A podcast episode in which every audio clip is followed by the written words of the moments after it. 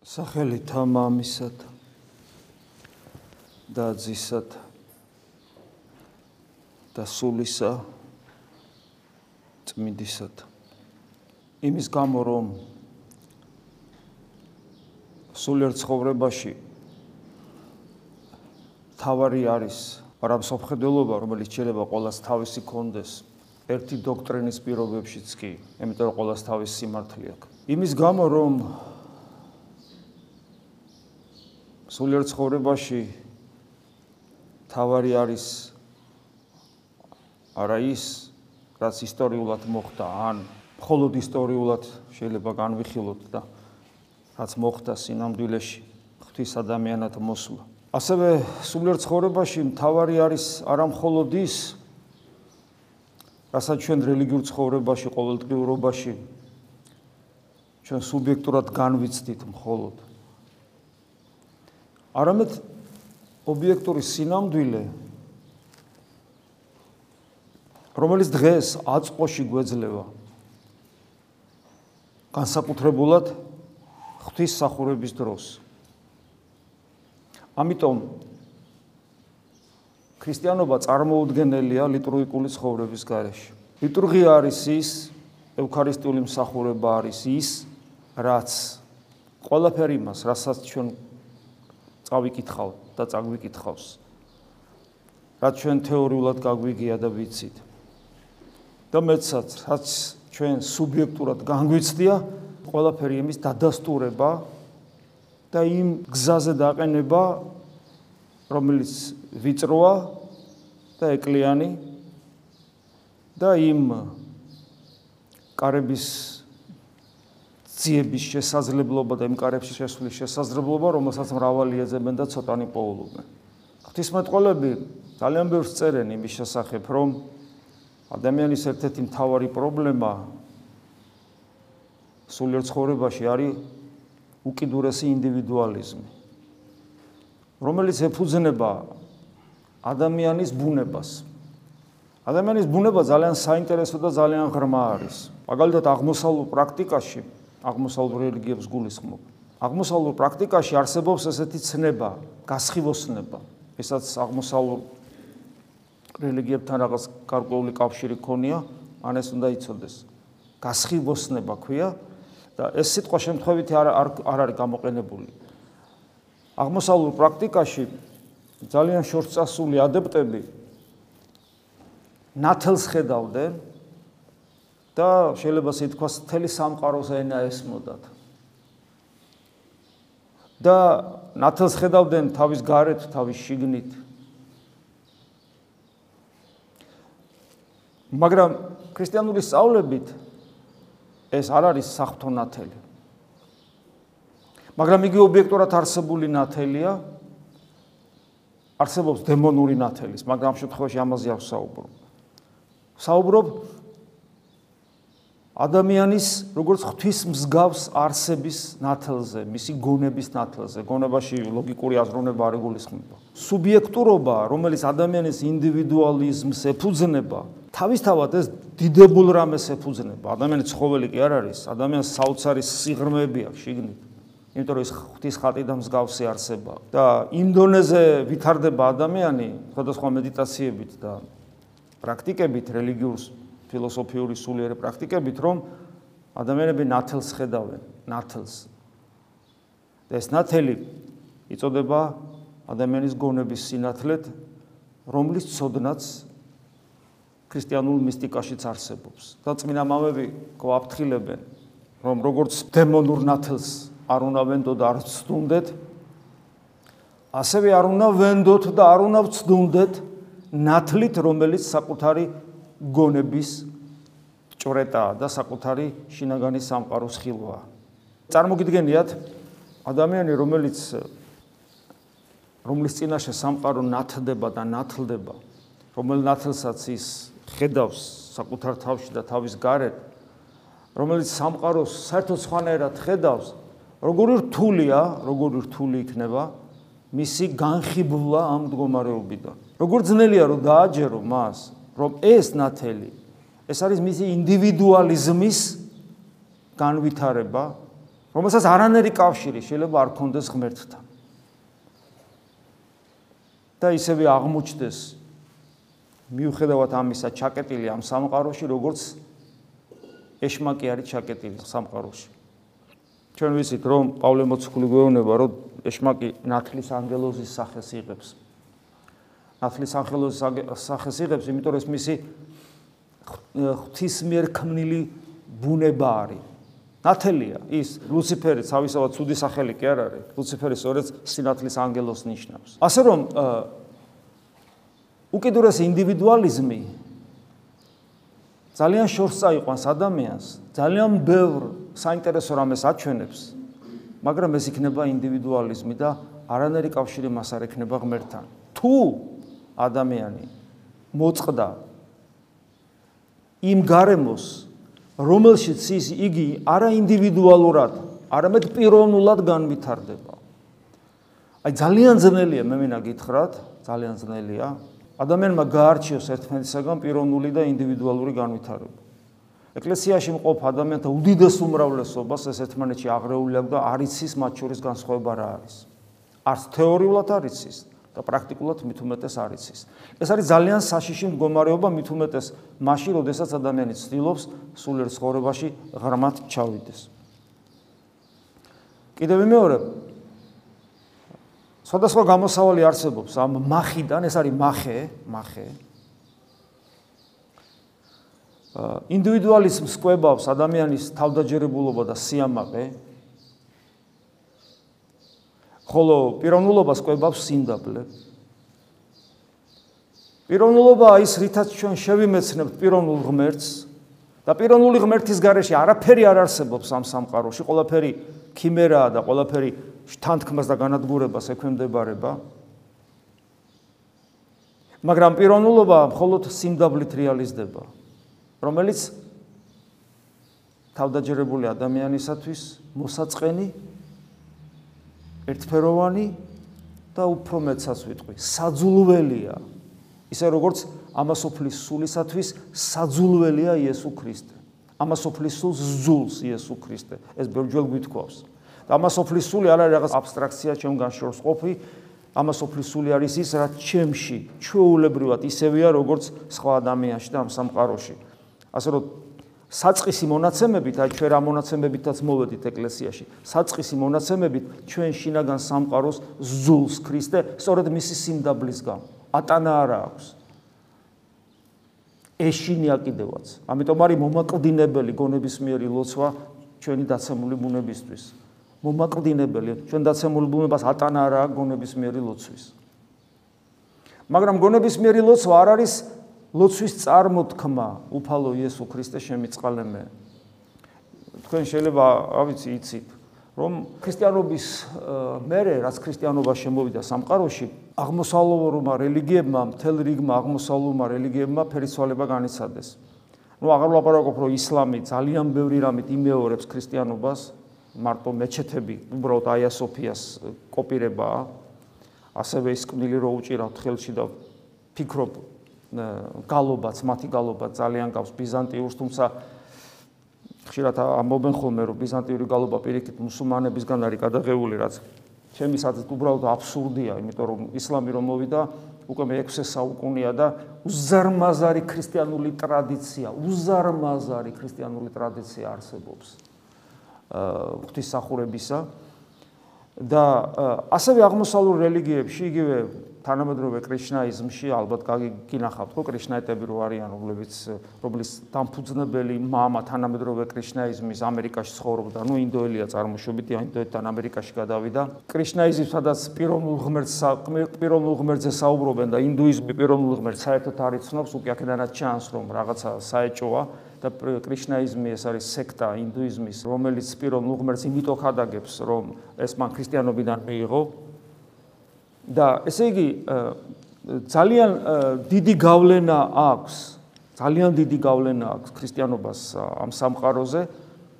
და შესაბამისად ძალიან ბევრი ადამიანისათვის ძალიან ბევრი ადამიანისათვის ქრისტიანობა ესეთი ძალიან მნიშვნელოვანი ღირებულება გახდა და ძალიან ბევრი ღირებულებები ქრისტიანული მაჩურის პიროვნულობა გახდა ესეთი საჯილდაო ქვა შეიძლება ასე ითქვას რომელსაც ყველა იყენებს და ყველა ამბობს და ყველა აკეთებს. მაგრამ სინამდვილეში სინამდვილეში პიროვნულობა პიროვნულობა. ეს არის საიდუმლოება საიდუმლოება. რატომ არის რომ ქრისტიანობამდე პიროვნულობის ეს გაგება უბრალოდ არ არსებობდა როგორც ქრისტიანობამ შემოიტანა ამ სამყაროში, არსებობდა უფრო ინდივიდუალიზმის და ეს ამაზე ბევრი გვისაუბრია ტერმინი, რომელიც სულ სხვა რამეს აღნიშნავდა, გამოიყენეს სწორედ ამ ჰიპოსტასურობის და პიროვნულობის გამოსახატავად ადამიანში და ღმერთში და ერთადერთი შესაძლებლობა, რომ ადამიანი პიროვნულად განვითარდეს, ეს არის ეკლესიის ორგანული წევრობა. პიროვნულობა ნიშნავს ემსგავსო ყოვლადწმინდა სამებას, იმიტომ რომ ყოვლადწმინდა სამება ღმერთია ასეთი. და ერთადერთი შესაძლებლობა რომ ადამიანის პიროვნულობა განვითარდეს ეს არის ეკლესია და კონკრეტულად გულისხმობ ეკლესიაში ევქარისტიულ ლიტურგიკულ ევქარისტიულ მსახურებას. რომლითანაც ყველაფერი არის დანარჩენი აღმოცენებული აბსოლუტურად ყველაფერი და ყველაფერი ცოცხლდება.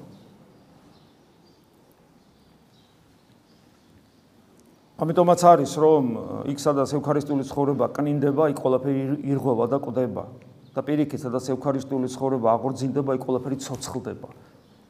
იმიტომ რომ ადამიანები ცოცხლდებიან როგორც პიროვნებები, როგორც ჰიპოსტასები, როგორც ღვთის მსგავსი არსებები, რომლებსაც შეუძლიათ ყოვლადწმინდა სამება ღმერთის შემეცნება, რომლებსაც შეუძლიათ იესო ქრისტეში ღვთაებრივი პიროვნების დანახვა, რომელმაც სამყარო შექმნა. სხვანაირად, სხვანაირად უბრალოდ შეუძლებელია ქრისტეს შემეცნება.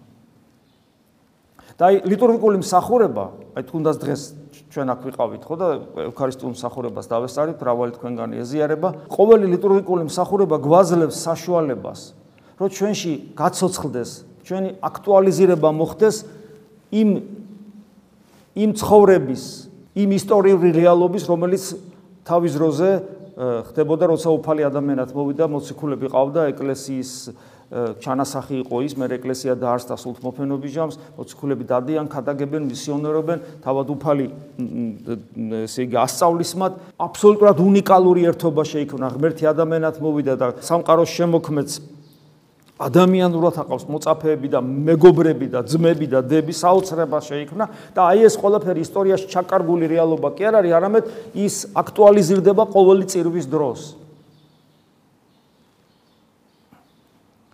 ამიტომ როცა ჩვენ сахарებას ვკითხულობთ сахарების კითხვის დროს ჩვენ ვიცოდეთ რომ შესაძლებელია თითქმის ყველა მუხლის გაცოცხლება ჩვენში თუ ჩვენ ინტენსიური ევქარისტიული ცხოვრება გვაქვს და ლიტურგიკული ცხოვრება. თავის ყველა იმ ნიუანსით, რომლის გარეშეც ეხა მექანიკურად ხო არ იდგები, იმ სიღრმით, რომელიც აუცილებლად გააზრებული უნდა ქონდეს, იმიტომ რომ მექანიკურობით არაფერი არ არსებობს. და აი თვით იესოს სახელის მოხმობაც რასაც წეღან გეუნებოდით რომ უფალს მოუხმობთ. ჩვენში იესოს სახელის მოხდა რომლის წინაშე ძრწის თელი სამყარო და მუხს მოუდრებს თელი სამყარო ვერიტანს და ეშინია ასევე ეშინია ჩვენს დაცემულ ბუნებას იესოს სახელის ოღონ იმ შემთხვევაში თუ მე მას მოუხმობ მას ვინც არის ამ სახელის არსის მატარებელი ვინც ამ სახელის უკან დგას მოდი ასე ვთქვა. თუ მე მას არ მოუხმობ და უბრალოდ იესოს სახელს ვახსენებ ეგ არაფერს ნიშნავს. და აი აღმოსავლური პრაქტიკა რო ვახსენე, აღმოსავლურ პრაქტიკაში, სადაც პიროვნული ღმერთი ან საერთოდ არ არის, ან რაღაც დამახინჯებული ფორმით არის, როგორც თანამედროვე კრიშნაიზმში. არის იოგას პრაქტიკაში ასევე. არის ხოლმე მცდელობა, რომ იესოს ლოცვა და თქვა იოგას რაღაც პრაქტიკა, თქვა რაღაც პოზებში ჯდომა, თქვა რაღაცა მათი სხვა რელიგიური პრაქტიკა, მედიტაცია შეაერთონ ერთმანეთს. და ხდება უცნაური რაღაცა. იესოს ლოცვას ამბობენ, უფალო იესო ქრისტე შემიწყალე მე და თა რაღაც ესე იგი მედიტაციას მიმართავენ. მედიტაციის დროს იესოს ლოცვის წარმოთქმა არის თუ არა იესოს ლოცვა? რა თქმა უნდა არ არის. ის მას როგორც მანტრას ისი, აი როგორც ჰარე კრიშნას ამბობენ, რაღაც ესე, მაგრამ როგორც მანტრას ისე წარმოთქვავს. ეს რატოა ჩემთვის საინტერესოა? ჩემთვის ეს იმიტომ არის საინტერესო, რომ ეკლესიის წიაღში მე შეიძლება იესოს ლოცვას ვამბობდე გამუდმებით მოუკლებლივ და ეს მხოლოდ მანტრა იყოს და არანერი კავშირი მას გონების მიერ ლოცვასთან არ კონდეს. მე მინდა გითხრათ, რომ აა ბევრი მოღვაწე ამის შესახებ გვაფრთხილებს. სამწუხაროდ მე ხლა ეს ამოწერილი არ მაქვს, მაგრამ მომავალში ალბათ ამასაც მოგიტანთ, იმიტომ რომ ასეთ რაღაცას არ ვინიშნავდი ხოლმე, იმიტომ რომ ეს იმდენად ორჯერ 2-4-ია, მაგრამ ხდება ხოლმე ამის გამეორება საჭირო. ანუ გარეგანი არაფერი აბსოლუტურად არ არის გარანტია, თვით ზიარებაც კი. არა თუ იესოს სახელის წარმოთქვა, ზიარებაც არ არის გარანტია იმისა, რომ შენ როგორც ქრისტიანი ვითარდები. იმიტომ რომ შენ შეიძლება და ყველაფერს ამას გარეგნულად აკეთებდე, შენს ინდივიდუალიზმს იკმაყოფილებდე და პიროვნული განვითარების თვალსაზრისით ნულოვან მდგომარეობაში იყო, ან მინუსებში, შესაბამისად ჩემთვის შეუძლებელი ხდება პიროვნული ღმერთის შემეცნება და ყველაფერი ეს დანარჩენი არაფერს ნიშნავს. არაფერს ნიშნავს. და აი, როდესაც ჩვენ სახარებას ვკითხულობთ, სახარება ყოველთვის ცოცხლდება ლიტურგიაში. აი, დღესაც მაგალითად წავიკითხეთ ესეთი რამე. უფლის სიტყვები და შერახვიდოდით სახსა მას, როცა მისიონერობთ. მოიკითხეთ და თქვით მშვიდობა სახსა ამას. უკეთ თუ სახლი იგი ღირსი იყოს, მოვიდეს მშვიდობა თქვენი მასზე და უკეთ თუ არა ღირსი იყოს, მშვიდობა თქვენი თქვენადვე მოიქცენ. რამდენჯერ გვესმის ლიტურგიკული მსახურობის დროს მშვიდობა თქვენ და რამდენჯერ მოდის ეს ქრისტეს მშვიდობა ჩვენზე. მაგრამ ნახეთ ქრისტეს მშვიდობის ჩვენზე მოსვლა ჯერ კიდევ არაფერს ნიშნავს. იმიტომ რომ თუ ღირსი ხარ, მოვა ეს მშვიდობა და თუ ღირსი არ ხარ, ეს მშვიდობა უკანვე ბრუნდება. აგერ თუ ღირსი იყოს, მოვიდე მშვიდობა თქვენ და უკეთ არა ღირსი იყოს, ეს მშვიდობა თქვენი თქვენადვე მოიქეცი. ანუ შინაგანი თანამშრომლობა თუ არა მაქვს მე ღმერთთან, თუ არა მაქვს მზაობა ქრისტეს მშვიდობის მიღებისა, არაფერს ნიშნავს ადამიანის აღდგომა. არაფერს. და არათუ არაფერს არამედ ჯობდა არ ყოფილიყო ადამიანი აქ როგორც უფალი ამბობ ჯობდა არ დაბადებულიყო. აი მაგალითად უკვე თუ არავინ შეგიწნარეს თქვენ და არცა ისმინეს სიტყვანი თქვენი ამინ გეტყვი თქვენ უმოლხინეს იყოს ქვეყანა იგი სოდომისა და გომორისა დღეს ამას საჟელისასა ვიდრე ქალაქი იგი სოდომი და გომორი. არის ერთგვარი ეტალონი ადამიანური დაცემის. ეხლა მე ვერაფრით ვერ ვერ ვიტყვი რომ ქრისტე რაღაც ამ შემთხვევაში მეტაფორა არა, ან ჰიპერბოლა, რაღაც ესეთი. როგორ ეხლა ქრისტეს სიტყვების კრიტიკა დავიწყოთ, ჩვენ თუ რა გავაკეთოთ? და ქრისტე მეუბნება რომ სოდომ გომორი ხო საშინელებაა და შენ რომელიც ქრისტეს სიტყვა გესმის შვიდობა და არიღებ ამ ქრისტეს გულში არ უშვებ უარეს მდგომარეობაში აღმოჩნდები ვიდრე სოდომოლები და გომოროლები იყვნენ. წარმოგიდგენიათ რას ამბობს? გამხელა პასუხისგებლობის წინაშე გვაყენებს ჩვენ ქრისტიანებს ქრისტე. და ეს ყველაფერი იწყება აი აქ ლიტურგიკულ მსახურებაში. აქედან რომ მიდიხართ თქვენ სპანერები უნდა იყოთ უკვე. ნებისმიერ საიდუმლოებას ეხება როცა სინანული აღსარების დროს მოდიხართ როცა ლოცულობთ და როცა აგდგახართ ყოველი წირვა თქვენ უნდა გცვლიდეთ. ყოველი ლოცვა თქვენ უნდა გცვლიდეთ. არ გვაქვს ის განცდა რომ აი გათენდა დღე მიდის საღამო მოდის და ხედავ რომ ნუ არა ყველაზე მთავარი არ ხდება ჩვენ ცხოვრებაში. ყველაზე მთავარი არ ხდება. ჩემში ქრისტე არ ცოცხლობს. და თუ ილუზია მაქვს რომ ცოცხლობს სახარება ხო იცი გადაამოწმეთ თქვენი თავი ერთადერთი სათნოებიდან გამომდინარე. ერთადერთი სათნოების მიხედვით, ქრისტეს დარის სიმდაბლის მიხედვით გადაამოწმეთ. თქვენი მდგომარეობა ადამიანებთან ურთიერთობაში, მოყვასთან ურთიერთობაში და ეკლესიასთან ურთიერთობაში. მაგრამ ისეთ როგორი რთულია ეკლესიასთან ურთიერთობაში თქვენი თავი გადაამოწმოთ? რატომ? იმიტომ რომ ეკლესია არ ჩანს. მე მხედავთ, კედელს ხედავთ, მაგრამ ეკლესიას ვერ ხედავთ. ეკლესიის ეკლესიის მიხედვით შენი თავი რო გადაამოწმა, რო გაასწორო ეკლესია 100-ია, ესე იგი მე 100 უნდა ვიყო. მაგრამ მე ვერ ხედავ ეკლესია 100-ია თუ ისია, იმიტომ რომ ეკლესია საერთოდ ვერ ხედავ. ადამიანები ისე ბერდებიან ეკლესიის წიაღში, აღსარებლები და მაზიარებლები, რომ ეკლესიას ვერ ხედავენ. და მათთვის ეკლესია არის რაღაც ადამიანური ორგანიზაცია, რაღაცა კორპორაცია, სადაც რაღაც ეს კორპორაციული რაღაც ვიწრო ურთიერთობებია, ზოგს რა ინტერესი აქვს, ზოგს რა ინტერესი აქვს და ასე შემდეგ. მგლებს თავის ინტერესი აქვს, ერის ადამიანებს თავის ინტერესი აქვს და ჩვენ ჩვენი ინდივიდუალური ინტერესებით ცხოვრობთ და თავზე გვემხობა ყველაფერი, მათ შორის ეკლესიაც. გარეგნული, თორე შინაგანს და იმ მისტიკურს ვერ ვხედავთ. ვერ ხედავთ, იმიტომ რომ ეკლესიის დანახვა, ქრისტეს დანახვის ტოლფასია, იმიტომ რომ ეკლესია ქრისტეს მისტიკური სხეულია. ეკლესიას ხედავ, ქრისტეს ხედავ, ეკლესიას ვერ ხედავ, ქრისტეს ვერ ხედავ და არ აქცამს ქრისტე, იმიტომ რომ ვერ ხედავ. ისე როგორც ეკლესია არ აქცამს და ვერ ხედავ, იმიტომ რომ ამ შემთხვევაში რწმენა და ხედვა თითქმის სინონიმებია. იმიტომ რომ ის განსაზღვრავს. რწმენა არის უხილავის მამხილებელი, როგორც პავლე მოციქული ამბობს. რწმენა არის ჩვენი შემეცნების ერთ-ერთი უნარი, ჩვენი გონების ერთ-ერთი უნარი, ერთ-ერთი ინსტრუმენტი, გონება, გონება ლოგიკაც არის და ბევრი რა ესთეტიური განცდაც არის და ასე შემდეგ და ასევე არის აბსტრაქტული აზროვნებაც არის, მისტიკური შემეცნების უნარიც არის და რწმენაც არის. ესეც გონება, ანუ შემეცნების უნარია, შეიძლება ასე ვთქვა. ვერ ხედავ, ვერ ხედავ ეკლესიას. ამიტომაც არის რომ აი წირვაზე მოვდივარ, მივდივარ, ვითომც არაფერი. რატომ ამიტომაც შეუულიათ ადამიანებს წირვაზე ეზიარებიან? აი ეზიარებიან. გასული არ არის ადამიანი უკვე. და უკვე ხორხოცობს. ჭორაობს. განიკითხავს, ეგრევე მომენტალურად. აქ როცა სამეფოში ხარ, ეს ქრისტეს სამეფოა. ქრისტე აკეთებს აქ ყველაფერს.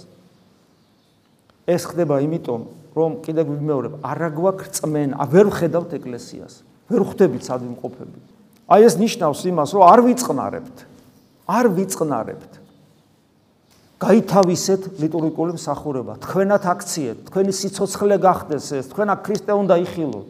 და თუ თქვენ აქ ქრისტეს იხილავთ, ახეთ რომ გარეთ რომ გადიხართ, ქრისტეს დარის სიმდაბლე გაგვდა ქრისტეს დარის სიმდაბლე უპირველეს ყოვლისა ვლინდება. რაში? მორჩილებაში იმიტომ რომ ქრისტე გახდა მორჩილი მორჩილი ვიდრე სიკვდილამდე და ვინ არის ქრისტე? ვინც galaktikები შექმნა თავის სიდიადით საშინელი ღმერთი რომელიც მორჩილი იქნა სიკვდილამდე და გვითხრა რომ ჩემგან აი ეს უნდა ისწავლოთ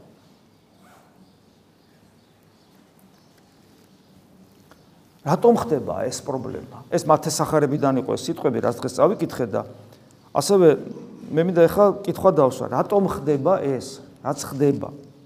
და დღევანდელ 60 ქულოდან რომელთა მიმართ ეპისტოლიდან ამოგიკითხავთ რამდენიმე მოგს. აი პავლე მოციქული ამბობს, დიაგნოზია.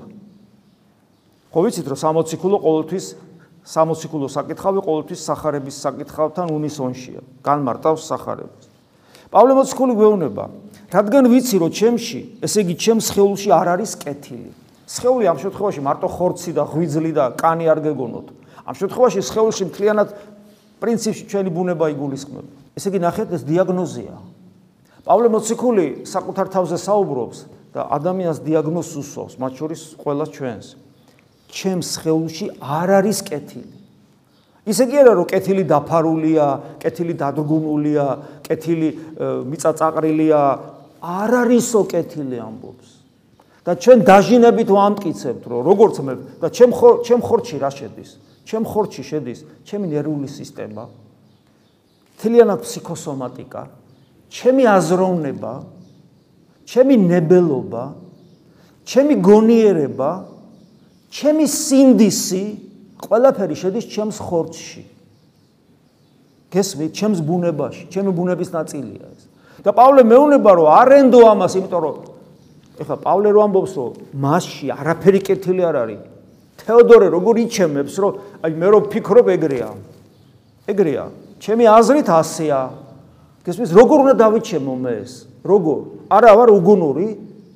პავლე მეუნება არაფერი კეთილი არ არის ჩემში. ეს არის დიაგნოზი. იმიტომ ხდება ეს. იმიტომ ხდება რომ ადამიანი აქ წლობით დადის და არანაირი ნაბიჯი არის არიდგმება წინ, იმიტომ რომ სადღაც ქვეცნობიერში უკიაფებს ის აზრი, რომ აზე ვარ, მესმის, მე ვიცი, განვიცადე, გამოცდილება მაქვს და ასე შემდეგ. მან იცის, იცის, კეთილია. ნამდვილი ქრისტიანია. ეს ეს კიაფობს ადამიანში. ეს ეს ნათელი, რომელსაც იქ, რა ქვია, აღმოსავლელი რელიგიის პრაქტიკაში ამას ისე ხედავს ფიზიკური ნათლითაც, ძალიან დიდ მედიტაციაში როა და ჩვენ კიდე რაღაც ესე ვიღიტინებს იქ. პავლე მოციქული აგზელებს არის ჩემში სიკეთ ეს რასაც პავლე მოციქული აგზელებს თან იმედის მომცემია თან კლავ ჩვენ ძიმ მდგომარეობას წარმოაჩენს არის ჩემში სიკეთის ნდომა ხო ჩემში არაფერი კეთილი ხო არ არის მაგრამ მეუბნება არის ჩემში სიკეთის ნდომა მაგრამ როგორ აღვასრულო ეს სიკეთე. ამას კი ვეღარ პოულობ ჩემში. ეს არის აი პავლე მოციქული შეიძლება ასე თქვა, ცოცხალი ვარ, მაგრამ უსინათლო ვარ. ბრმა ვარ, ცოცხალი ვარ, მაგრამ ვერ ხედავ. ანუ ცოცხალი რო ვარ, საიდან ჩანს, რომ ჭუხ ქრისტე მინდა, იმიტომ მოვედი. მაგრამ როგორ აღვასრულო მე ეს? როგორ აღვასრულო ეს? ამას კი ჩემში ვეღარ პოულობ. ანუ მინდა, მაგრამ ცოცხალი ვარ, მაგრამ ბრმა ვარ. პავლე, პავლე ამბობს ამას. ვიცით პავლე ამას როდის ამბობს? როცა მას ქრისტე უკვე ბერჯილ გამოეცხადა, მოციქული მოციქულის რანგში აიყვანა, როდესაც ის უკვე დიდი მისიონერია, როდესაც აი რომშია ჩასული და რომაელებს ელაპარაკება, პავლე ამბობს უკვე დიდი სავლერო პავლე გახდა. პავლე რომელსაც ქრისტე ერთ-ერთზე ელაპარაკება გამოცხადებით, აი ის პავლე ამბობს, რომ ჩემში სიკეთეს ვერ პოულობ. თეოდორე პოულობს. პოულობს. გესმით? აი ეს არის ჩვენი კომიქსია რა ჩვეულებრივი ჩვენი ცხოვრება რა. და ამიტომაც არის რომ აი გადის წლები და ადამიანები საერთოდ არ იცვლებიან ეკლესიის წიაღში. მყარად და ფეს გადგმული ინდივიდუალისტებად რჩებიან, რომელიც მომენტს არ გაუშვებს. მომენტს არ გაუშვებს, რომ თავისი სიამაყე, ამპარტაუნება და რისხვა მერე ხებზე არ გადაიტანოს. გავაგზავნოთ პავლე მოციქული. ამბობს შემდეგ რამეს. ვინაიდან კეთილს კი არ ვაკეთებ, რომელიც მსურს, არამედ ბოროტს, რომელიც არ მსურს. არა მარტო ბრმა ვარ პავლე მოციქული ამბობს, არამედ მონა ვარ. და ეს იყო რევოლუციურია მე ადრეს გითხარით. აი ეს სიტყვა რევოლუციური სიტყვა იყო წარმართულ სამყაროში. წარმართები ფიქრობდნენ, რომ ადამიანი ბოროტებას იმიჯო ჩადის, რომ რო გაიგებს რა არის კეთილი და რა არის ბოროტი, რომ განათლებას რომ ისცენ. მე უკვე სიკეთით იცხოვრებს. ესე გონია დღეს ბევრ ქრისტიანს.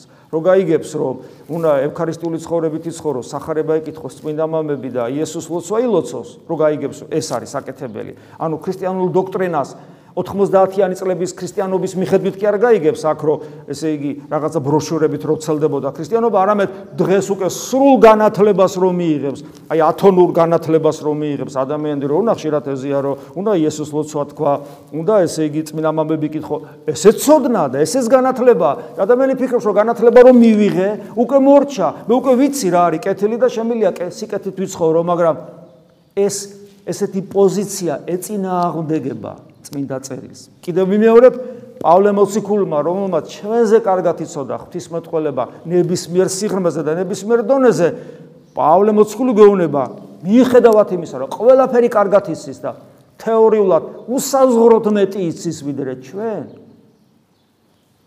იმ პოზიციის საწინააღმდეგოდ, რომ თუ ვიცი უკვე სიკეთეს ვაკეთებ ყველა შემთხვევაში და ბოროტებას აღარ ჩავდივარ, ამ პოზიციის საწინდ რომელიც ჩვენ გოგონია რადგან ჩვენ ვიცით რომ თურმე უნდა ილოცო და ეზიარო და წმინდა წერილი იკითხო და მამებით ესე იგი ყველაფერს კარგად გააკეთებ ამ პოზიციის საწინააღმდეგოდ ამბობს კეთილს კი არ ვაკეთებ პავლე ამბობს კეთილს არ ვაკეთებ რომელიც მსურს მაგრამ მაინც არ ვაკეთებ არამედ ბოროტს ვაკეთებ პავლე ამბობს რომელიც არ მსურს.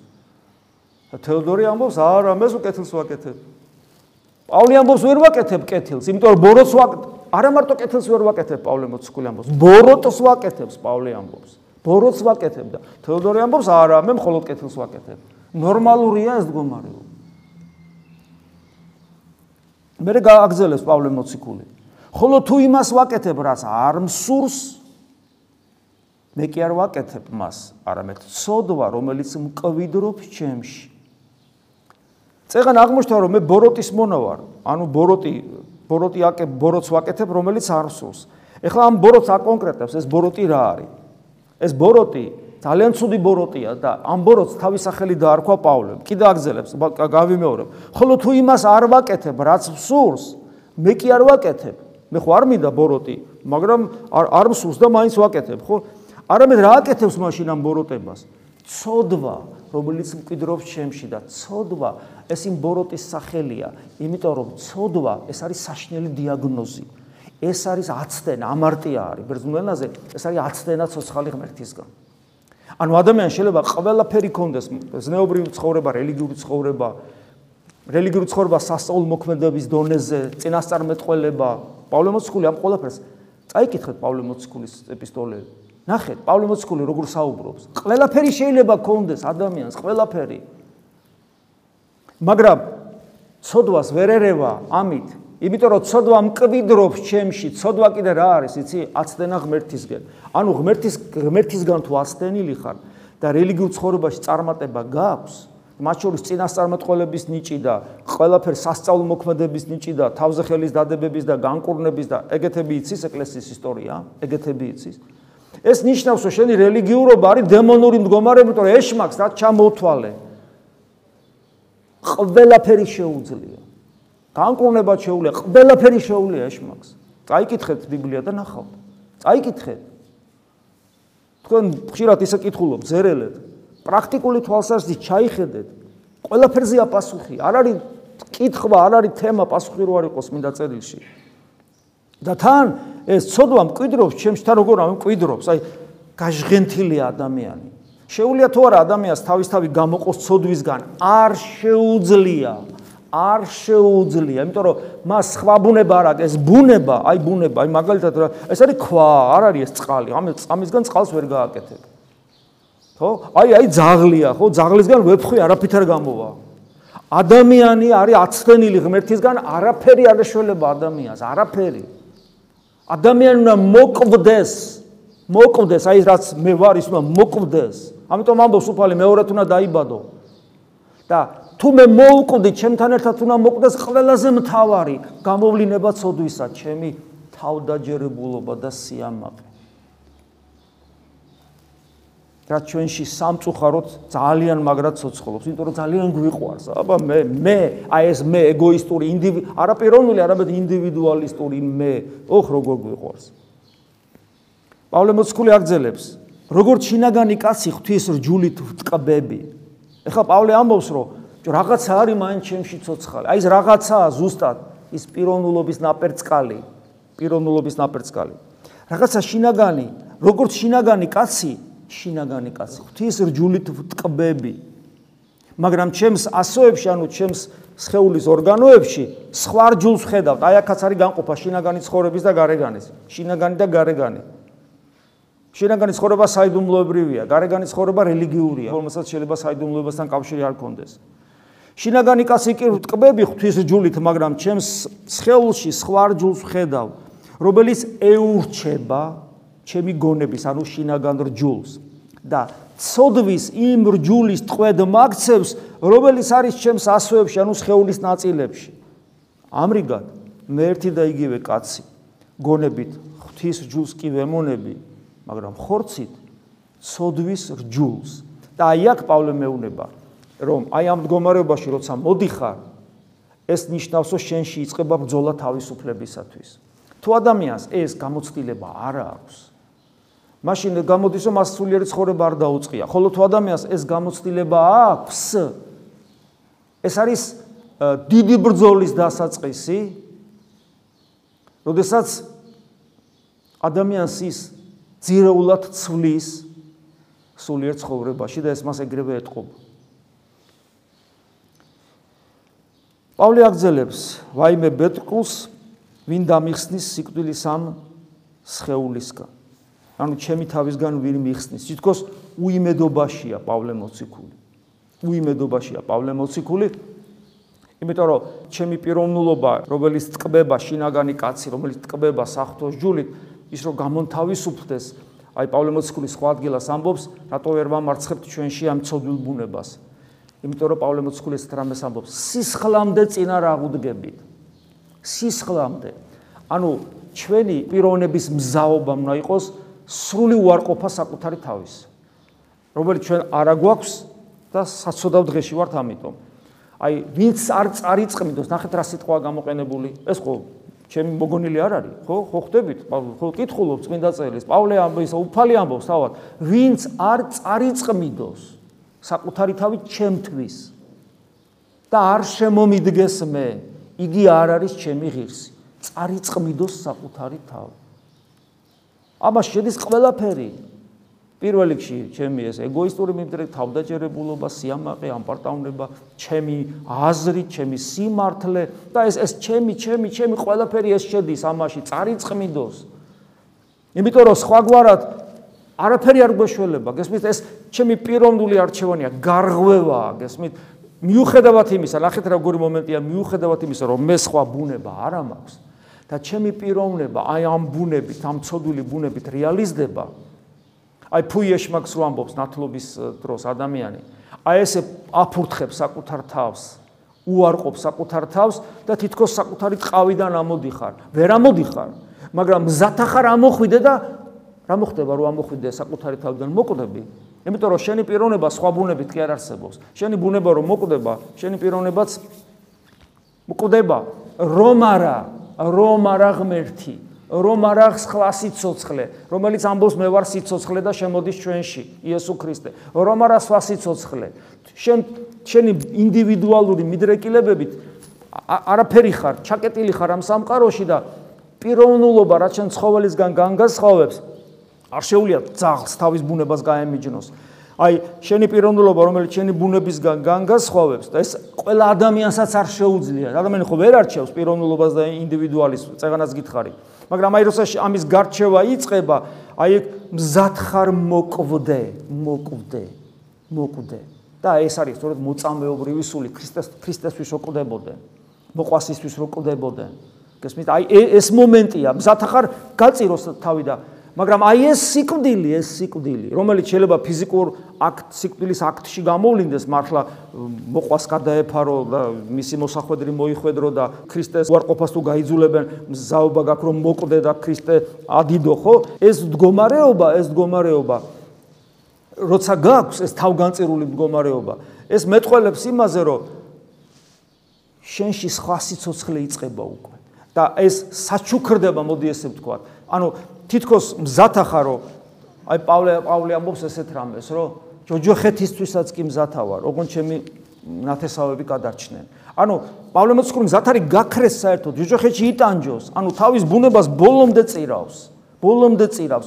სიყვარულისთვის სიყვარულისთვის. აი ეს ეს მზაობა ადამიანის პიროვნულობისა რომ ესე იგი აი ამ საკუთარ ბუნებას დაუსყლტეს ხელიდან თუნდაც ეს სიკვდილის ფასად დაუჯდეს აი ეს მდგომარეობა არის მოწამეობრივი მდგომარეობა, როდესაც ქრისტეს ხელფეხს უხსნით შემოვიდეს და სრულად როგორც ძალმოსილმა ღმერთმა იმოქმედოს ჩვენში და შემოვიდეს ჩვენში როგორც სიცოცხლე. მე რე იმიტომ ამბობს პავლე, მე კი აღარა ვარ ცოცხალი.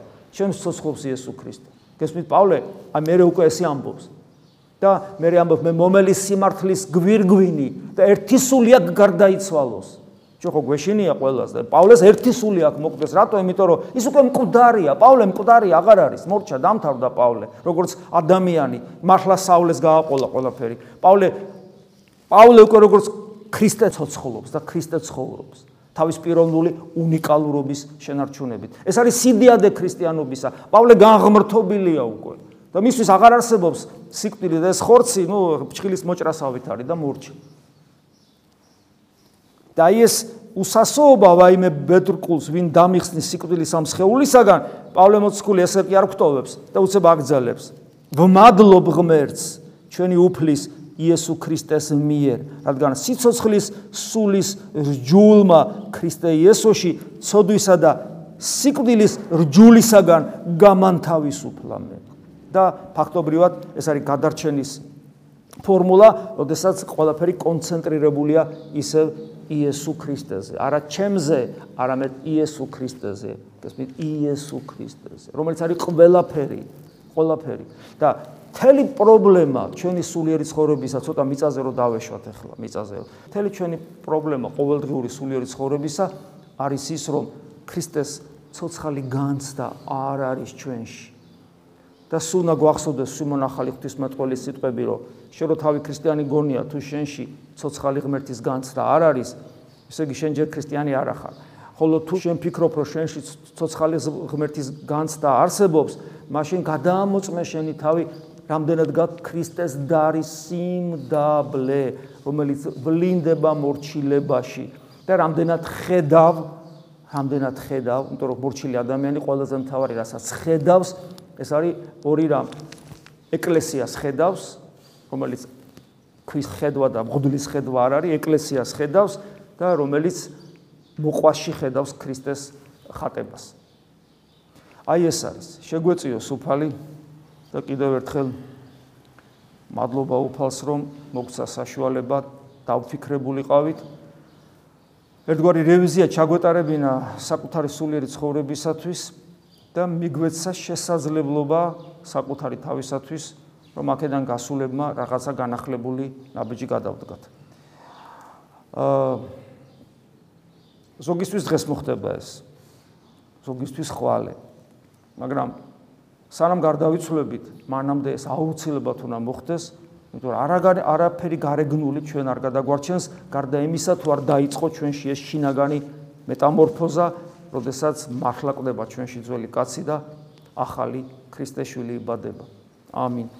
მადლი უფლისა ჩვენისა იესო ქრისტესი და სიყვარული ღმრთისა და მამისა და ზიარება სულისა წმინდისა იყოს თქვენ ყოველთა თანა.